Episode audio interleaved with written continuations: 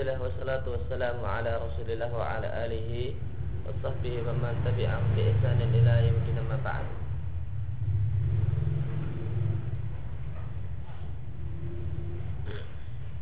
Jadi. Qala al-mu'allif rahimahullahu ta'ala Atiyaul mahabbati. Wa min al-ajibi ayyu'a usul ayudaiya. Ay- ayat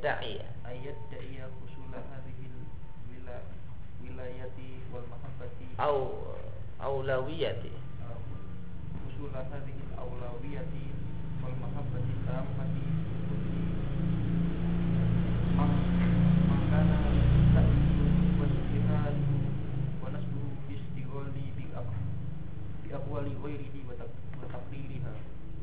wal ghad wal ghadabi wal mahabbati laha wa ridha biha wa tahakkumi ilaiha wa ardin ma arada maqalahu wa arada maqalahu ar-rasulu 'alaiha fa in wafaqaha qablahu. Qabilaha qabilahu.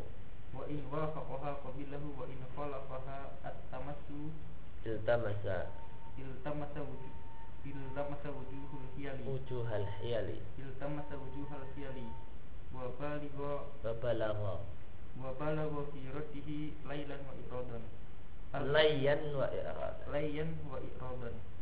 Al iradu anir rasuli. Kama qala ta'ala wa in talbu aw tu'ridu fa inna allaha kana bima ta'maluna khabira. Qad istamalat hadhihi al ayatu ala asra ala asrarin azim azimatin yajibu at-tanbihu ala ba'diha li shiddatil hajati ilaiha qala ta'ala ya ayyuhalladzina amanu kunu qawamina bil qisti syuhada'a lillahi walau ala anfusikum abil walidaini wal aqrabina in yakun ghaniyan aw faqiran. Fallahu awla bihima fala tattabi'u al hawa an ta'dilu wa in talu aw tu'ridu fa inna allaha kana bima ta'maluna khabira fa amara subhanahu bil qiyami bil qisti wa huwa al adlu fi hadhihi al ayati. Wa hadha amrun fil qiyami bihi fi haqqi kulli ahadin aduwan kana aw waliyan wa ahqqa bima qama lahu al abdu bil bi qistil aqwali qasdil aqwali. bil qasdil aqwali wal ara'i wal madhahibi if hiya muta'alliqatun bi amrillahi wa khabrihi wa khabarihi wa khabarihi nah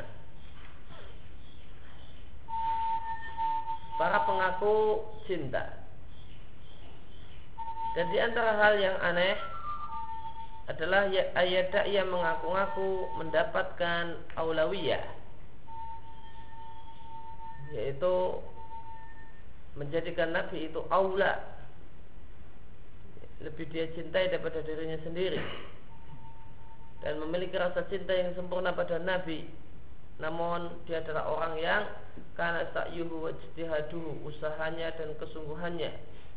Wa nasabuhu dan capeknya adalah dalam menyibukkan diri dengan perkataan manusia yang bukan nabi dan menetapkannya.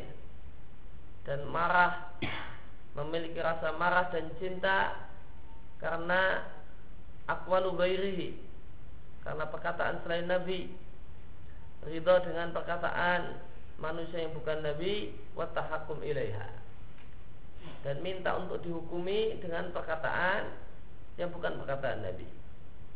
Bahkan parahnya dia timbang apa yang disabdakan oleh rasul dengan perkataan orang tersebut.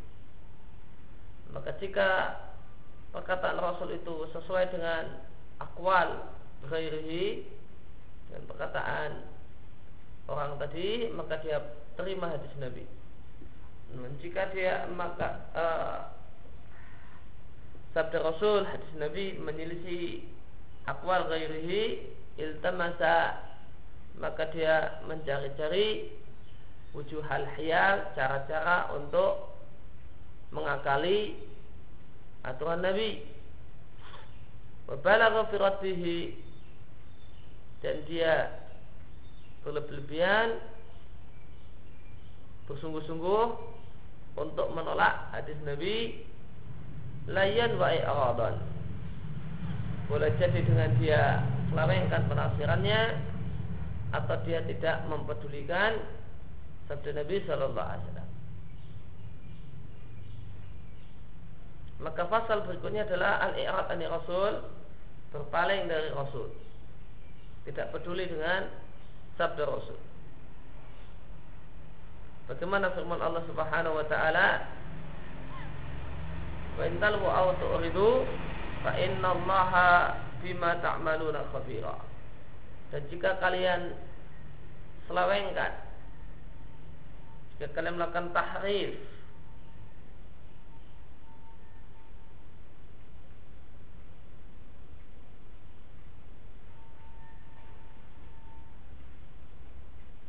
Untuk ridho atau kalian berpaling tidak mau menunaikannya konteks ayat ini berkaitan dengan masalah persaksian Fa Allah kana bima ta'maluna khabira maka Allah mengetahui semua apa yang kalian kerjakan dan jika Allah tahu bukan hanya sekedar tahu namun Allah akan memberikan balasan.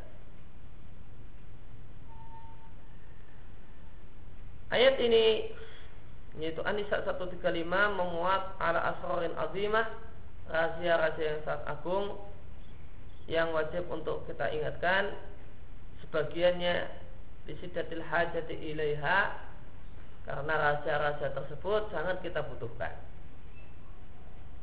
Ini itu firman Allah, wahai orang-orang yang beriman, kunu kawamina. Jadilah kalian orang-orang yang kawamina bil qisti, orang-orang yang menegakkan keadilan. Syuhada dan menjadi orang-orang yang menyaksikan keadilan, bersaksi apa adanya lillahi karena Allah. Walau ala anfusikum. Meskipun persaksian tersebut itu menyudutkan diri kalian. Syahida ala.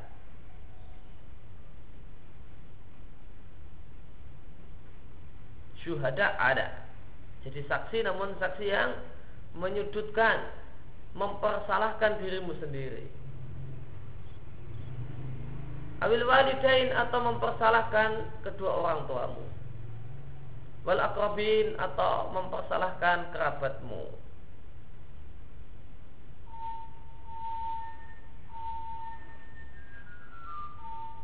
Meskipun persaksian tersebut adalah persaksian yang mempersalahkan dirimu, maka hendaklah engkau mengakui kebenaran dan jangan disembunyi-sembunyikan.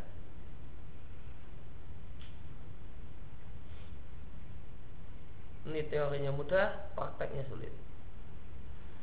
Walau ala anfusikum awil walidain wal Katakanlah dirimu salah. Ya, jika memang salah, katakan dirimu salah. Ayahmu salah, ibumu salah, kakakmu salah, wargamu salah. Jangan sembunyi, jangan, sembunyikan fakta dan data. Namun bicaralah apa adanya. Meskipun dengan engkau bicara apa adanya maka berarti dirimu salah keluargamu salah orang tuamu salah ia kulranian au fakiran fa Allah aula bihima. Dan jika al-masyhud alaiha orang yang disudutkan persaksiannya itu kaya ataukah miskin maka Allah lebih mencintai mereka dibandingkan kalian. Dan Allah yang lebih mengetahui apa yang manfaat bagi mereka dibandingkan kalian.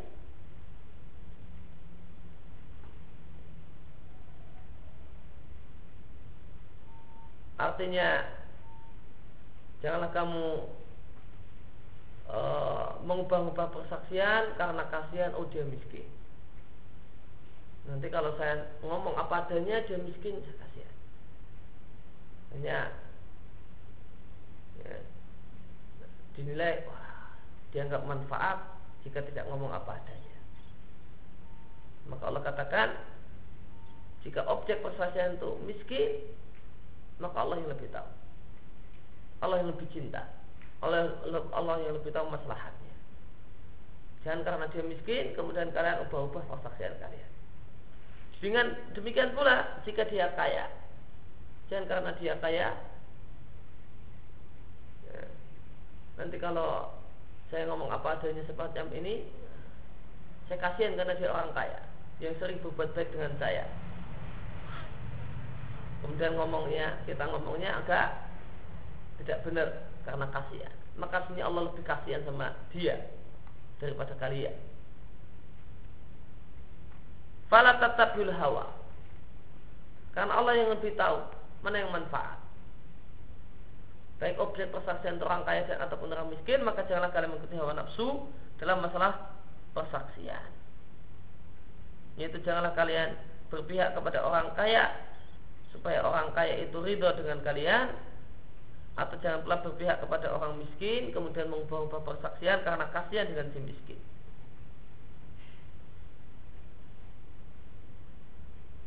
Maka janganlah karena kasihan ataupun karena cari muka dengan orang kaya atau kasihan dengan orang miskin, kalian mengikuti hawa nafsu dalam persaksian. Antak dilu dengan kalian eh, tidak bersikap adil.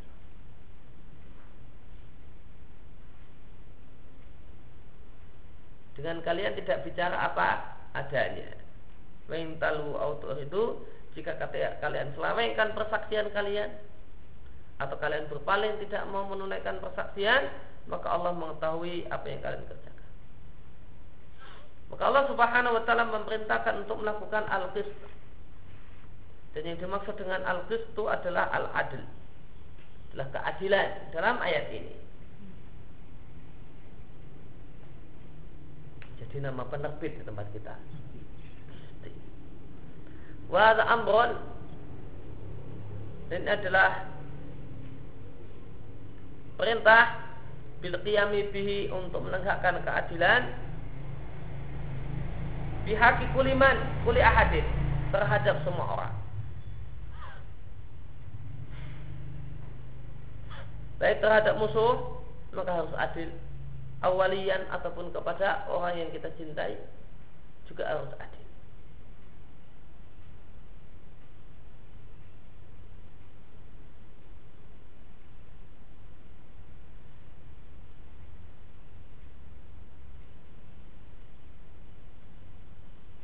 Dan menegakkan keadilan adalah ahakum maqama lahul abdu. Adalah perkara yang seorang hamba itu paling wajib untuk mengerjakannya. Biqasdil aqwal wa wal madzahib.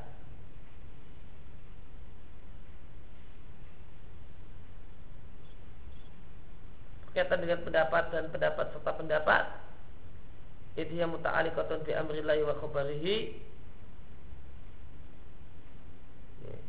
maka karena yang namanya pendapat itu berkaitan dengan perintah Allah dan berita dari Allah Subhanahu wa taala.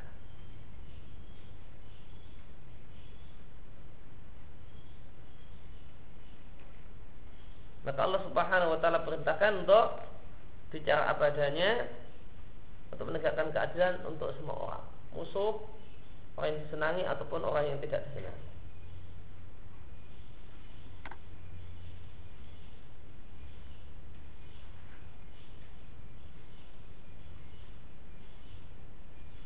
shifted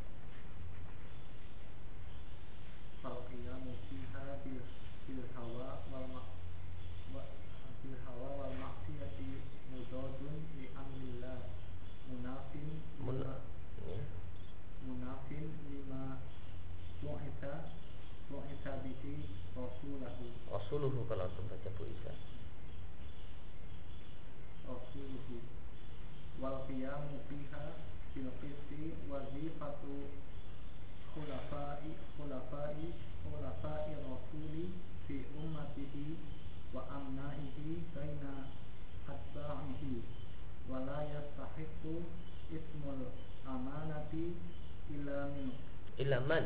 ila man qama ila man qama fiha bil adli al mahdi nasihat nasihat nasihatan lillahi wa li kitabihi wa li rasulihi wa li ibadihi. Wa ulaika humul warithuna haqqan. La ma, la man yaj'ala ashabahu wa nahlatahu wa Wa nihlatahu. Wa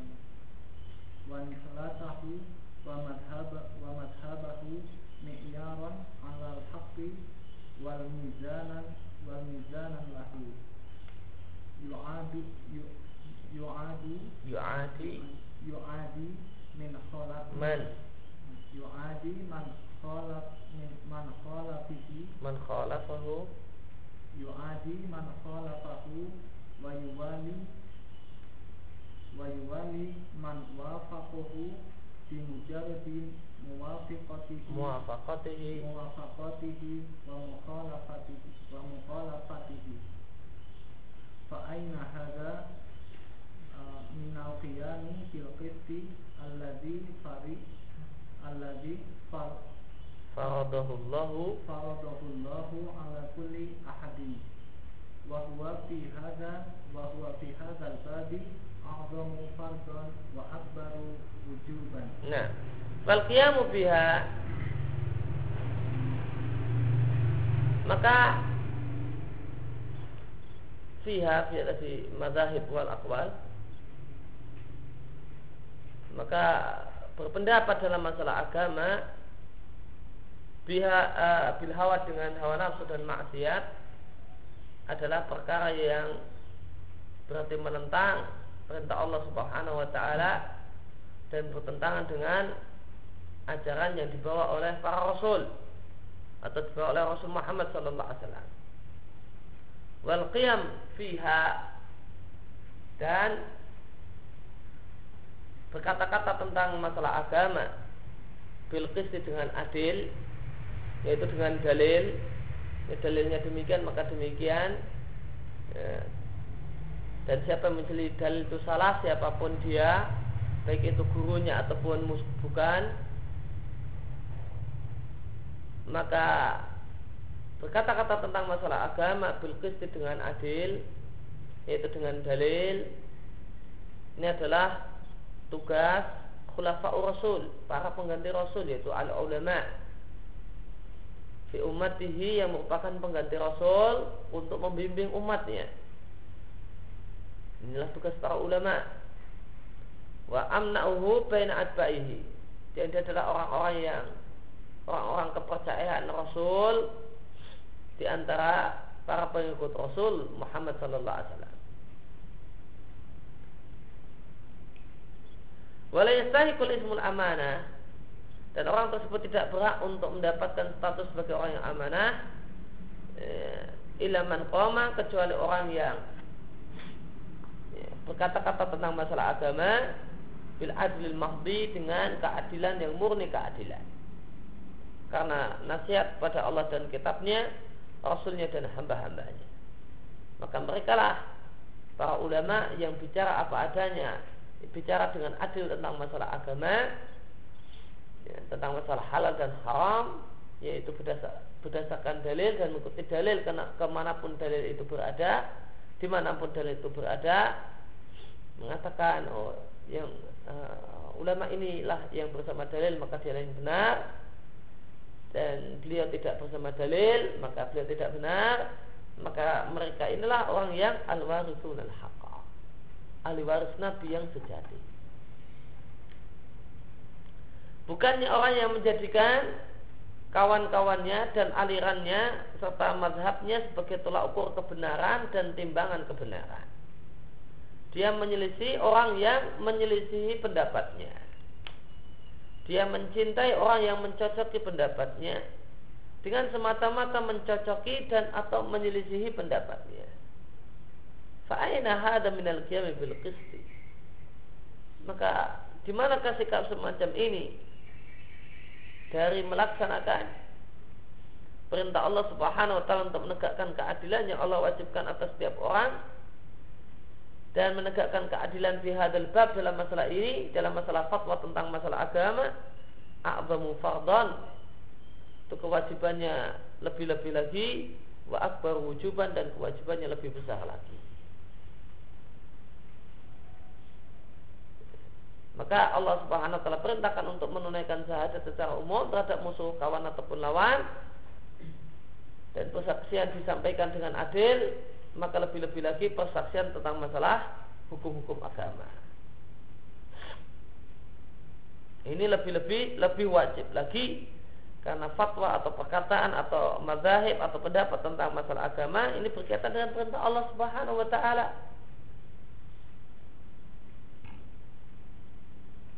Hmm, Abdul.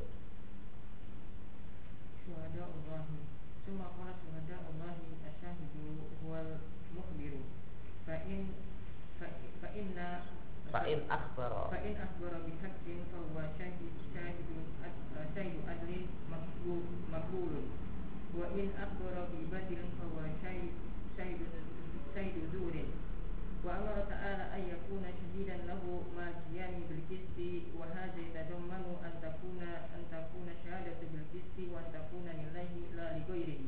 wa qala fil ayati ukhra kunu qawamina lillahi shuhada'a bil qisti fatadammanat fil ayata ayatani umuran ar, umuran ar, arba'at arba'atun umuran arba'atan arba'atan ahaduha al-qiyamu bil qisti athani ayakuna lillahi athalithu asyhadatu bil qisti ar-rabi'u an takuna lillahi واختصت آية, آية النساء بالقسط بالقسط والشهادة لله وآية المائدة بالقيام لله وشه- آه، وش- وشهادة بالقسط لس- لسر عاجب من أسرار القرآن ليس هذا موضع موضع آه، ليس هذا موضع ذكره ثم قال تعالى Nah. Sebelum kita lanjutkan pasal suhada Allah ada catatan kaki tentang orang yang memusuhi dan mencintai uh, memusuhi orang yang menyelisih pendapatnya dan mencintai orang yang mencocoki pendapatnya. Ma'aksarahu fi ayamina. Betapa banyaknya sikap semacam itu di zaman ini. Haitsu yakunul fardu fi jama'atin minal jama'at mi'yaran inda jama'ati alal haqqi wa mizanan lahu tu'adi man khalafa wa tuwali man wafaqahu. Mada makalamu muwafiqan li kalami jama'ati wa firqatihi. Wa walau khalafa hadzal fardul kitab wa sunnata wa ijma'al ummati wa la hawla wa la quwwata illa billahil aliyyil azim. Haitsu yakunul fardu fi jama'atin minal jama'at di mana seorang tokoh yang dia berada di sebuah jamaah, di sebuah kelompok, maka tokoh ini jadi mi'yar, jadi tolak ukur menurut jamaahnya, tolak ukur kebenaran dan timbangan kebenaran. Maka kelompok ini akan memusuhi orang yang menyelisih tokohnya dan mencintai orang yang mencocoki tokohnya. Selama tokoh tersebut atau orang tersebut mencocoki perkataan jamaahnya dan firqahnya maka orang tersebut tetap dicintai ketika mencocoki pendapat kelompok meskipun tokoh tersebut atau orang tersebut menyelisih Quran dan Sunnah dan ijma dan ijma umat Islam. Dan syuhada Allah, para saksi-saksi karena Allah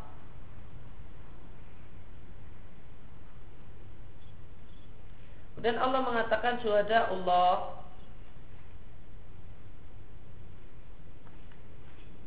Para saksi-saksi Atau kalau ayatnya syuhada lillah. Kok ini jadi syuhada Allah?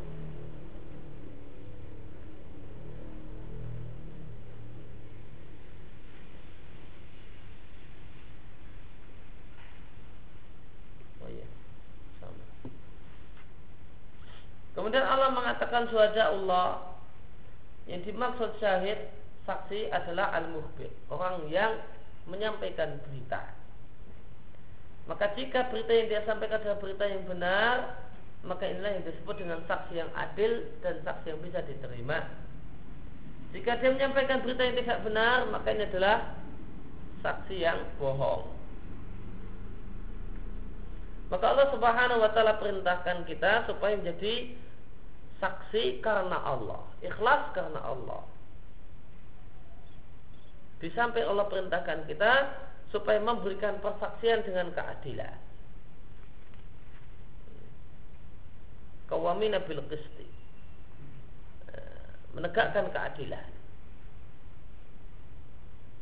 Wahada yatadhamman maka ini memuat maka ayat di sini Anisa ya, Anisa 135 itu memuat dua hal. Antakuna syahadatu fil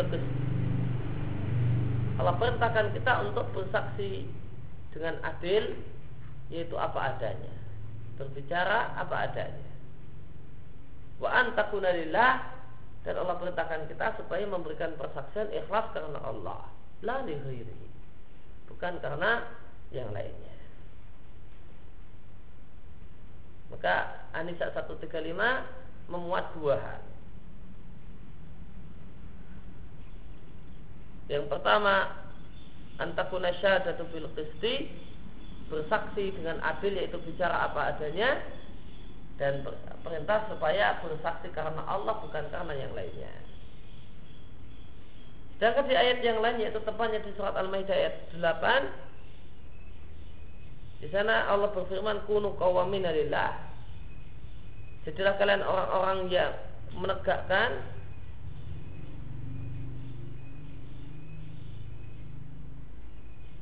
keadilan karena Allah suhada abil qisti dan menjadi orang-orang yang mempersaksikan bersaksi mempersaksikan keadilan. Fatadhammanat al-ayatan sehingga dua ayat ini Anisa 135 dan Al-Maidah 8 itu memuat empat hal.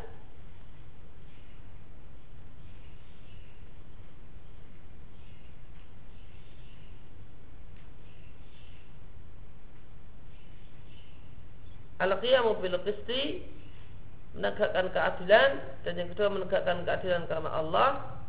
Kemudian yang ketiga bersaksi yang adil dan persaksian yang adil itu juga karena Allah.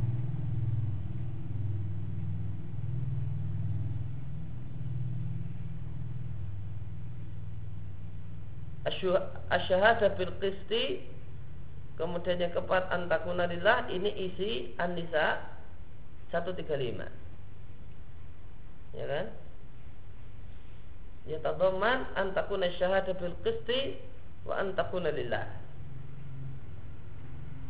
Ya, maka nomor 3 dan 4 itu isi Anisa 135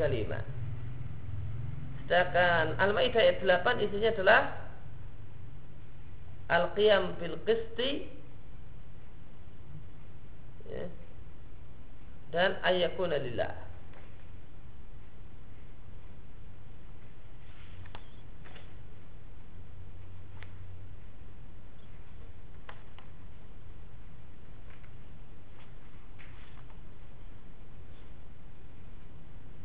atau kebalik? Isi Anisa uh, 135 kunu qawwamina bil qisti qiyam bil qisti suada alillah ayakuna lillah. Maka poin 1 dan 2 itu adalah An-Nisa 35.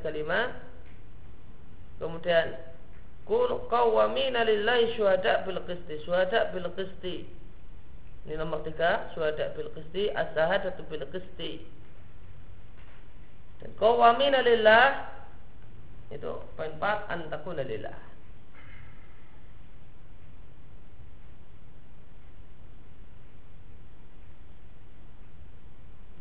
Waktasat ayatul An-Nisa Maka kandungan khusus ayat An-Nisa adalah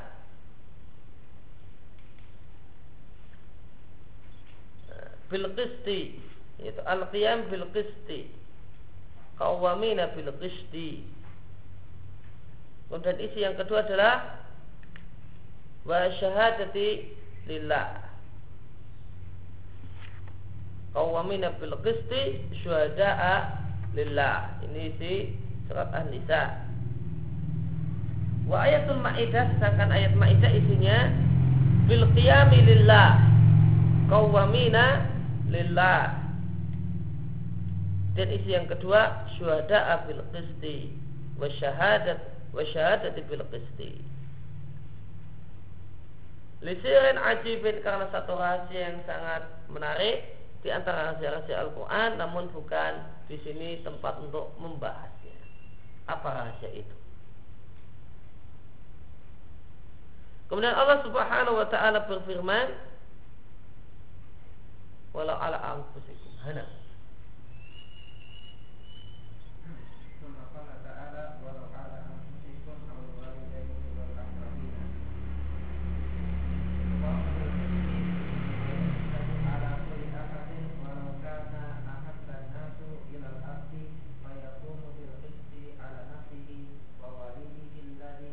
ووالديه اللذين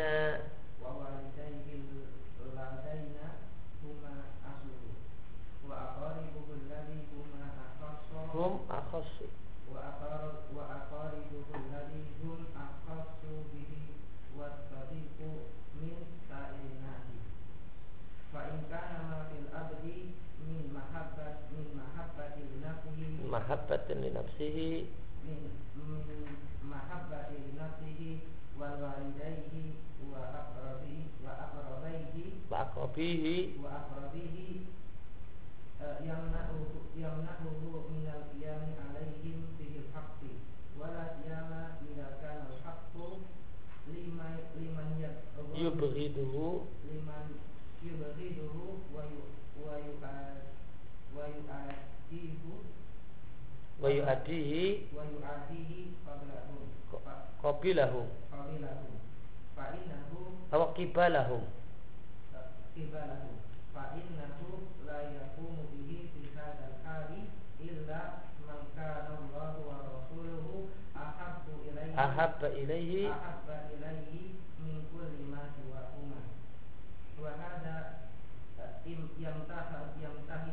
yumtahanu bil ab eh, eh, oh eh, yumtahanu bil abdu oh yam atau yamtahinu bil abdu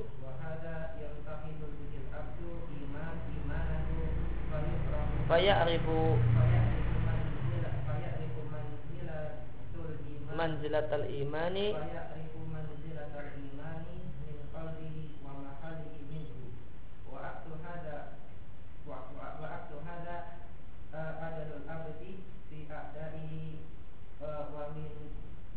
yajfuhu fa innahu la yanbaghi ayat ayat milahu. ayat milahu eh, buhduhu. lahum ayyahifa kama la yanbaghi ayat miluhu ayah milahu. milahu hubbuhu li nafsihi. Eh, hubbuhu li nafsihi wa walidihi wa walidayhi. Wa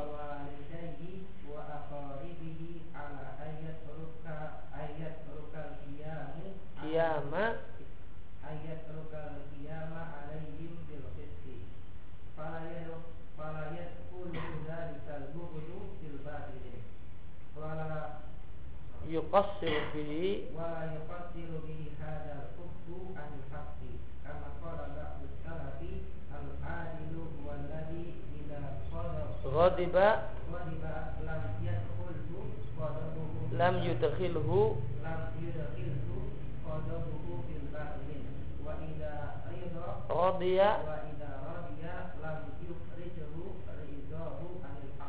Nah Kemudian Allah mengatakan meskipun persaksian itu menyudutkan diri kalian, orang tua kalian sendiri dan kerabat kalian. Maka Allah perintahkan untuk menegakkan keadilan yaitu bicara apa adanya dan memberikan persaksian meskipun itu persaksian yang menyudutkan untuk setiap orang.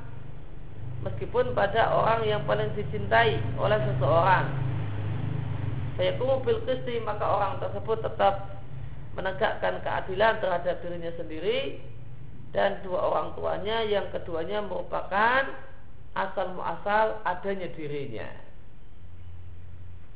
Dulu adalah dua orang yang sangat berjasa sehingga dirinya ada di dunia ini. Demikian pula terhadap kerabatnya yang kerabat itu adalah mereka adalah akhosubi orang yang paling dekat dengan dirinya.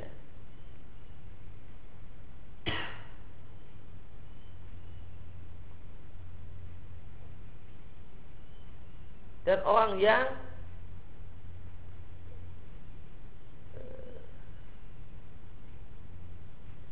atau wasodik dan dan teman-teman min sairinas dan siapa saja yang menjadi temannya dari jenis manusia apa pun. Maka dia akan bicara apa adanya meskipun pada temannya sendiri.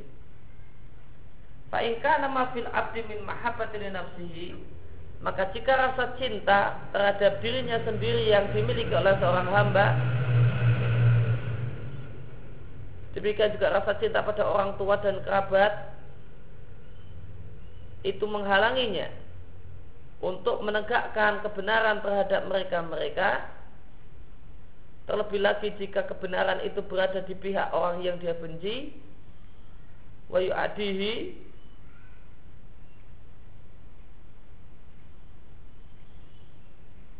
dan kebenaran itu berada pada pihak orang yang kebenaran ngomong apa adanya itu menguntungkan menguntungkan man begitu orang yang dia cintai wa adi dan orang yang dia musuhi. Kibalahum pihaknya pihak mereka yaitu ya pihak mereka. Fa innahu la yakumu bihi fi hadzal hal. Maka tidak bisa menegakkan keadilan dalam kondisi semacam ini kecuali orang yang Allah dan Rasulnya lebih dia cintai daripada segalanya. Maka di sini Ibnu Qayyim memberikan ya, penjelasan tentang ciri orang yang lebih mencintai Allah dan Rasulnya daripada segalanya. Ini merupakan ciri orang orang yang mendapatkan halawatul iman. Siapakah apa contoh real dari orang yang lebih mencintai Allah dan Rasulnya daripada segalanya? Ya. Contoh realnya adalah ketika dia mencintai teman, mencintai kerabat, mencintai orang tua, ya, kemudian dia tahu kalau orang tuanya itu tidak benar, kerabatnya tidak benar, dan dia berani bicara, orang tua saya salah, kerabat saya keliru. Rasa cintanya tidak menghalanginya untuk mengucapkan kebenaran, untuk menyampaikan kebenaran. Ini ciri orang yang ciri nyata orang yang Allah dan Rasulnya lebih dia cintai daripada segalanya, termasuk orang tuanya. Karena Allah dan Rasulnya memerintahkan untuk menegakkan keadilan terhadap siapa pun. Allah dan Rasulnya memerintahkan demikian. Sedangkan hatinya tentu berpihak bagaimanakah supaya kerabat dan keluarganya itu tidak dipermalukan dan tidak dipersalahkan. Namun rasa cinta kepada keluarga tidak menghalang untuk menegakkan untuk bicara apa adanya. Ini menunjukkan bahasanya perintah Allah dan Rasulnya lebih dia cintai.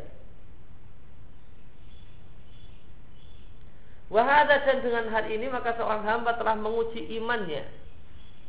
Maka dia mengetahui posisi iman di hatinya dan kedudukan iman di hatinya. Dan kebalikan hal ini adalah sikap adil seorang hamba terhadap musuhnya dan orang-orang yang kurang ajar pada dirinya. Orang yang tidak punya adab sopan santun pada dirinya, jafak. Maka sebenarnya tidaklah pantas rasa benci kita kepada seseorang mendorong kita untuk bersikap tidak adil padanya. Yahi fa'ali. Bersikap zalim dan tidak adil pada dirinya. Sebagaimana tidaklah pantas rasa cinta pada diri sendiri dan orang tua serta kerabat, yahmilahu mendorongnya untuk meninggalkan menegakkan keadilan.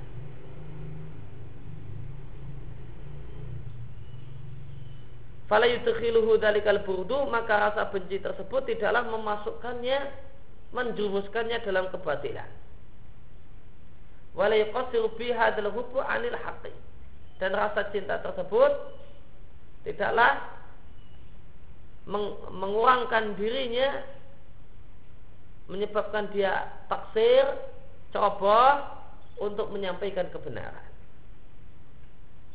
Benarlah apa yang dikatakan oleh salah seorang ulama salaf beliau mengatakan orang yang adil adalah orang yang jika marah marahnya tidaklah menjurumuskannya tidaklah menyeremet men, menyeretnya ke dalam kebatilan. Dan jika dia senang, maka rasa senangnya tidaklah mengeluarkannya dari ya, bicara dan mengucapkan kebenaran. Inilah orang yang adik. Ketika dia benci, dia benci dengan orang kafir, ya, dia benci dengan ahli bid'ah, rasa bencinya ini tidaklah menjuruskannya dalam kebatilan dengan memfitnah orang kafir. Meskipun kita benci dengan orang kafir, nggak boleh memfitnah orang kafir. Meskipun kita benci dan tidak suka dengan alil bid'ah, tidak boleh kita memfitnah alil bid'ah.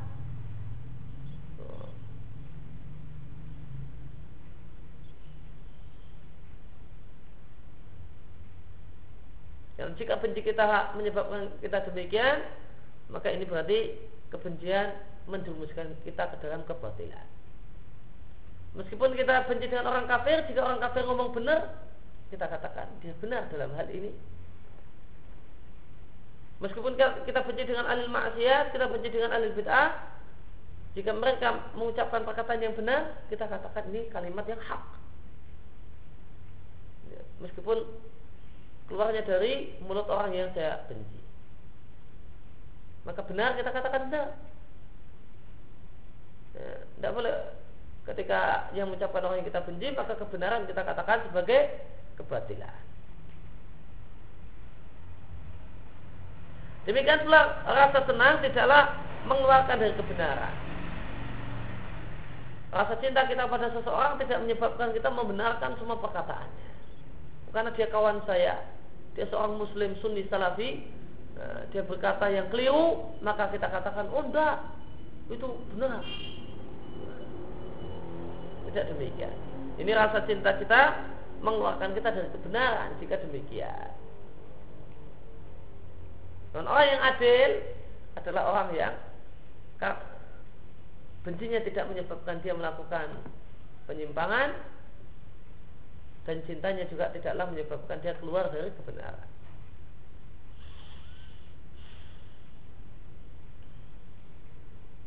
Perdana.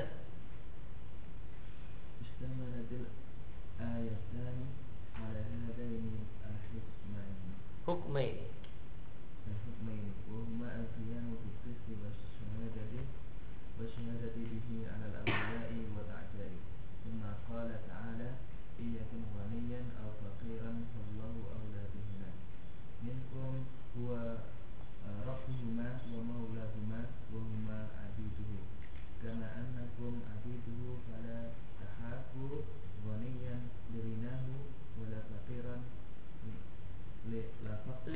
لفقره فإن الله أولى بها منكم. بهما منكم فإن الله فإن الله أولى بهما منكم وقد يقال فيه معنى آخر أحسن من هذا وهو أنهم ربما خافوا من القيام بالسجن وأداء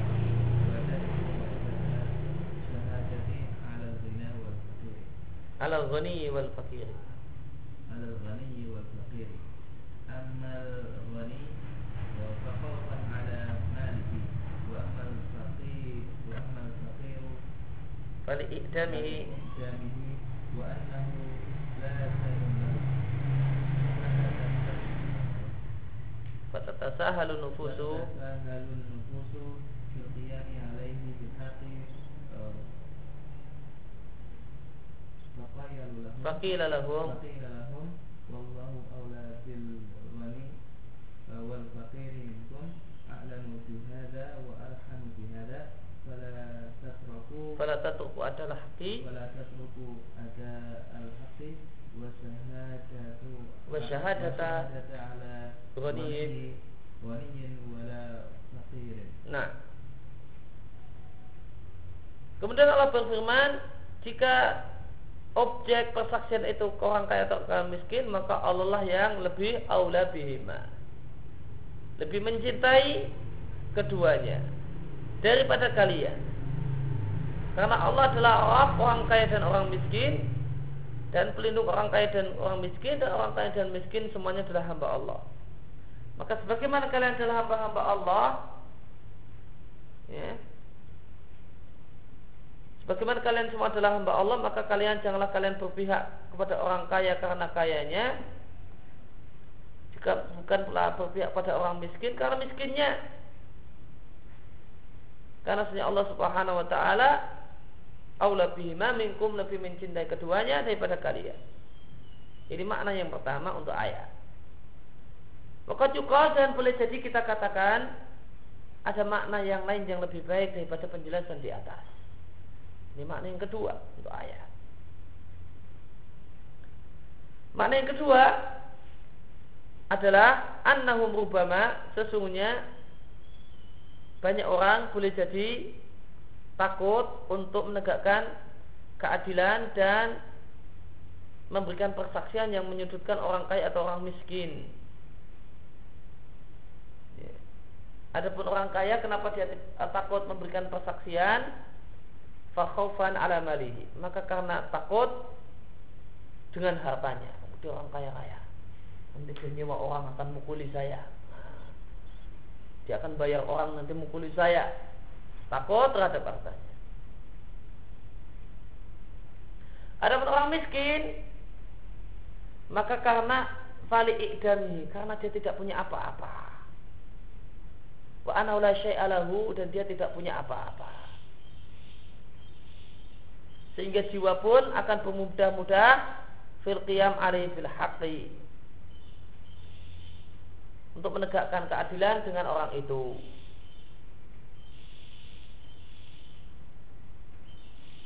Nah, maka kalau sama orang miskin, maka mudah untuk menegakkan keadilan. Karena dia tidak punya apa-apa, nggak ada yang ditakuti. Mudah jiwa itu untuk bicara apa adanya, tidak ada hartanya, dia bukan orang yang berharta yang bisa yang ditakuti karena sebab hartanya. Berbeda dengan orang kaya.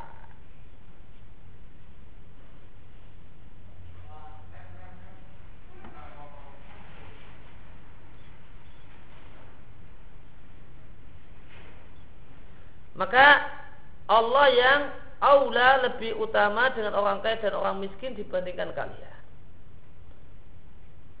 Artinya Allah a'lam bihada. Allah lebih tahu tentang si kaya tersebut. Kamu jangan takut. Allah yang lebih tahu tentang orang kaya itu. Dan berkaitan dengan, dengan miskin, wa arhamu bihada. Allah di sini maknanya Allah lebih sayang. Allah aula terhadap orang orang kaya artinya Allah lebih tahu. Jangan takut nanti dia nyewa orang akan mukuli dirimu. Allah lebih tahu. Allah tahu dan Allah mengawasi dan melindungi. Dan aula bihima, aula untuk orang miskin artinya Allah lebih sayang.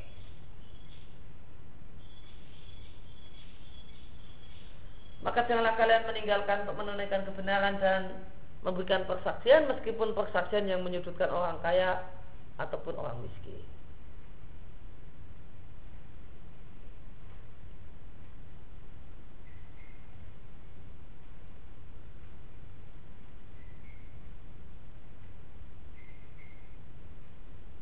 Nah, maka di sini Mulkai menyebutkan dua penjelasan untuk An-Nisa 135.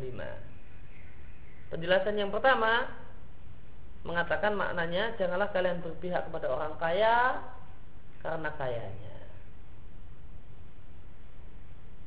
Dan janganlah kalian berpihak kepada orang miskin karena kasihan karena miskinnya. Karena Allah lebih tahu mana yang maslahat mana yang manfaat untuk orang kaya dan mana manfaat untuk orang miskin. Kalian mengira bahasanya karena karena dia miskin maka lebih manfaat adalah membelanya. Belum tentu.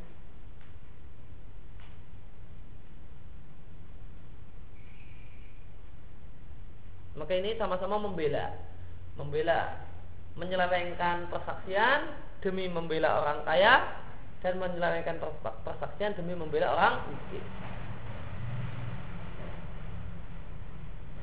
Penjelasan yang kedua mengatakan bahasanya aula untuk orang kaya berbeda dengan aula untuk orang miskin. Makna yang kedua apa? Janganlah kalian berpihak kepada orang kaya karena takut hartanya. Karena takut dengan hartanya. Dan janganlah kalian maka untuk orang kaya maka kalian tidak mau menegakkan keadilan karena takut dengan hartanya. Sedangkan orang miskin kalian tegakkan keadilan karena dia tidak uh, punya apa-apa dan sehingga tidak ada apa pun yang ditakuti darinya. Ini makna yang kedua.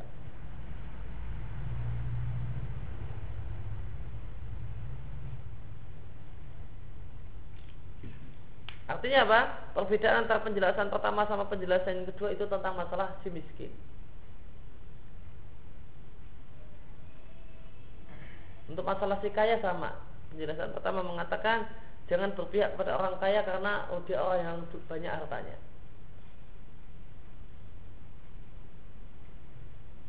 Penjelasan kedua mengatakan janganlah kalian berpihak pada orang kaya karena takut hartanya.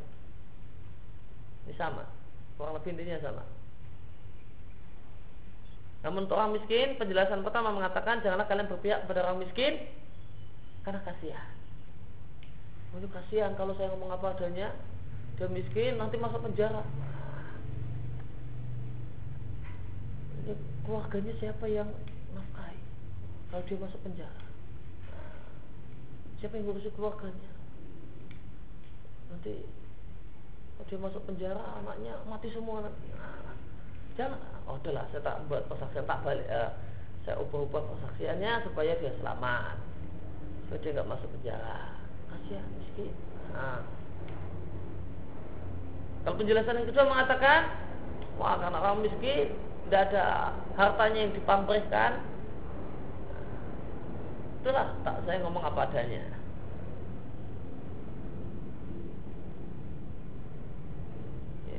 Wa ana la syai'a lahu fatatasahalu fatatasahalu an-nufus fil qiyam alaihi bil haq maka ringan. Karena tidak punya apa-apa tidak punya harta yang ditakuti hartanya maka ringan untuk menegakkan kebenaran dengan bicara apa adanya. Suma kala ta'ala fala tabil hawa an ta'dilu. Maka jangan kalian ikuti hawa nafsu dengan kalian menyimpangkan persaksian nahahum an ittibail hawa alhamili ala tasir adli. Maka Allah larang manusia untuk mengikuti hawa nafsu karena hawa nafsu itu mendorong untuk meninggalkan keadilan. Nah, uh, kemudian ada bahasan i'rab an ta'dilu. Kenapa dibaca an ta'dilu? Ya. Maka ini dibaca mansub, mansubul maudhi ya, mahalnya itu mahal nasab. Kenapa? Karena maf'ul asli sehingga takdirnya menurut ulama e, nahwu basrah antakdil itu maknanya adalah karohata antakdil kalian janganlah kalian mengikuti hawa nafsu karena kalian tidak suka bersikap adil. Atau hadar antakdilu kalian e, hadar antakdil